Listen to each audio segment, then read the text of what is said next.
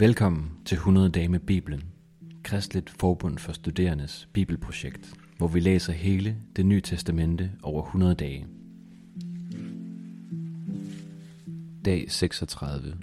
Apostlenes Gerninger, kapitel 27 og 28 ved Liv Strandqvist. I går læste vi, at Paulus ankede sin sag til kejseren.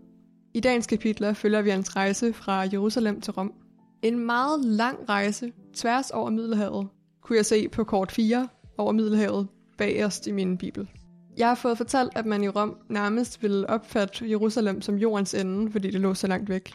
Og det giver jo den her rejse en særlig betydning i lyset af de ord, Jesus sendte apostlene ud med i begyndelsen af bogen. Jeg læser fra Apostlenes Gerninger kapitel 1, vers 8. Men I skal få kraft, når Helligånden kommer over jer, og I skal være mine vidner, både i Jerusalem og i hele Judæa og Samaria, og lige til jordens ende. Fra Jerusalem til jordens ende. Jeg ved ikke, om Jesus synes Rom tæller som jordens ende, men det er i hvert fald tankevækkende. Handlingsforløbet i de her kapitler er ret simpelt. Paulus bliver sat på et skib mod Rom. Han rejser blandt andre sammen med Lukas, som altså skriver om den ret dramatiske fortælling som førstehåndsvidne. Undervejs opstår der problemer med vejrforholdene. Det er højst sandsynligt, fordi de er ved at gå ind i vintersæsonen, og på det tidspunkt der skal man helst holde sig fra at sejle over Middelhavet. Paulus er efterhånden en ret erfaren rejsende.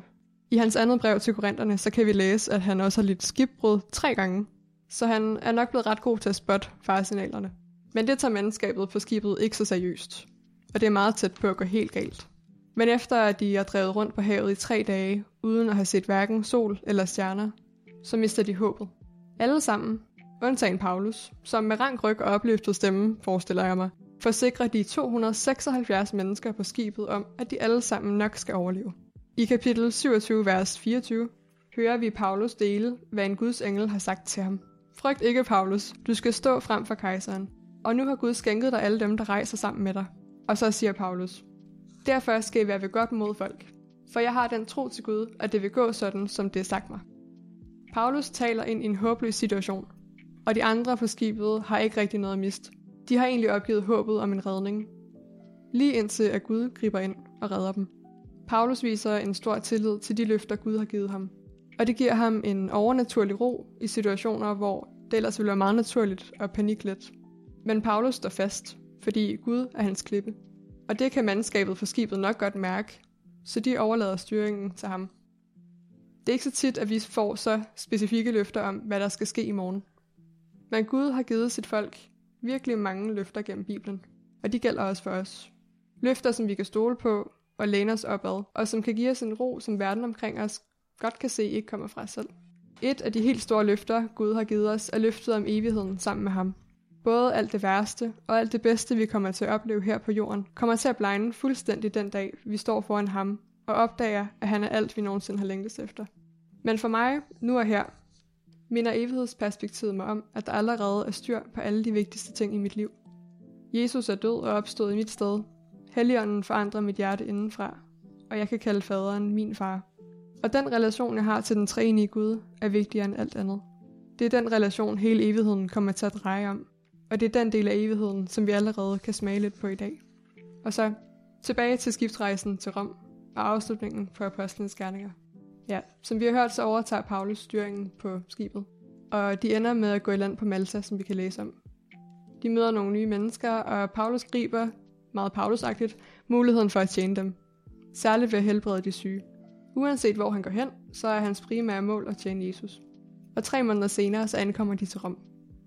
Det sidste vi hører er kapitel 28, vers 30-31. Paulus blev nu hele to år i sin lejede bolig og tømmede alle, der kom til ham. Han prædikede om Guds rige og lærte dem om Herren Jesus Kristus med fuld frimodighed uden hindring. Vi hører ikke så meget mere om, hvad der sker i retssagen mellem jøderne og Paulus, eller hvordan det gik med, at Paulus skulle foran kejseren. Men vi kan se, at Paulus har gode rettigheder og muligheder, selvom han er stadig er romersk fange. Og det vigtigste for ham er tydeligvis muligheden for at kunne fortælle flere om Jesus. Og sådan slutter bogen også lidt bræt. Men hvad skete der så, tænker man? Ifølge den tidlige kirketradition, så blev Paulus løsladt efter to år i Rom. Så rejste han lidt rundt igen, og til sidst så blev han så igen fængslet i Rom. Denne gang under meget hårdere vilkår. Og til sidst så døde han som martyr. Og nu har vi fokuseret ret meget på Paulus. Og efter at have læst hele apostlenes gerninger, så er det nemt at sidde tilbage med en følelse af at være sådan meget imponeret over ham og alle de andre i den tidlige kirke. Men det vigtigste, og det tror jeg også Paulus vil være enig i, det er, at vi fokuserer på Guds arbejde igennem det hele. Der er ingen tvivl om, at det er Helligånden, der er hovedpersonen i apostlenes gerninger. Helligånden arbejder for at vise Guds godhed til hele verdens befolkning.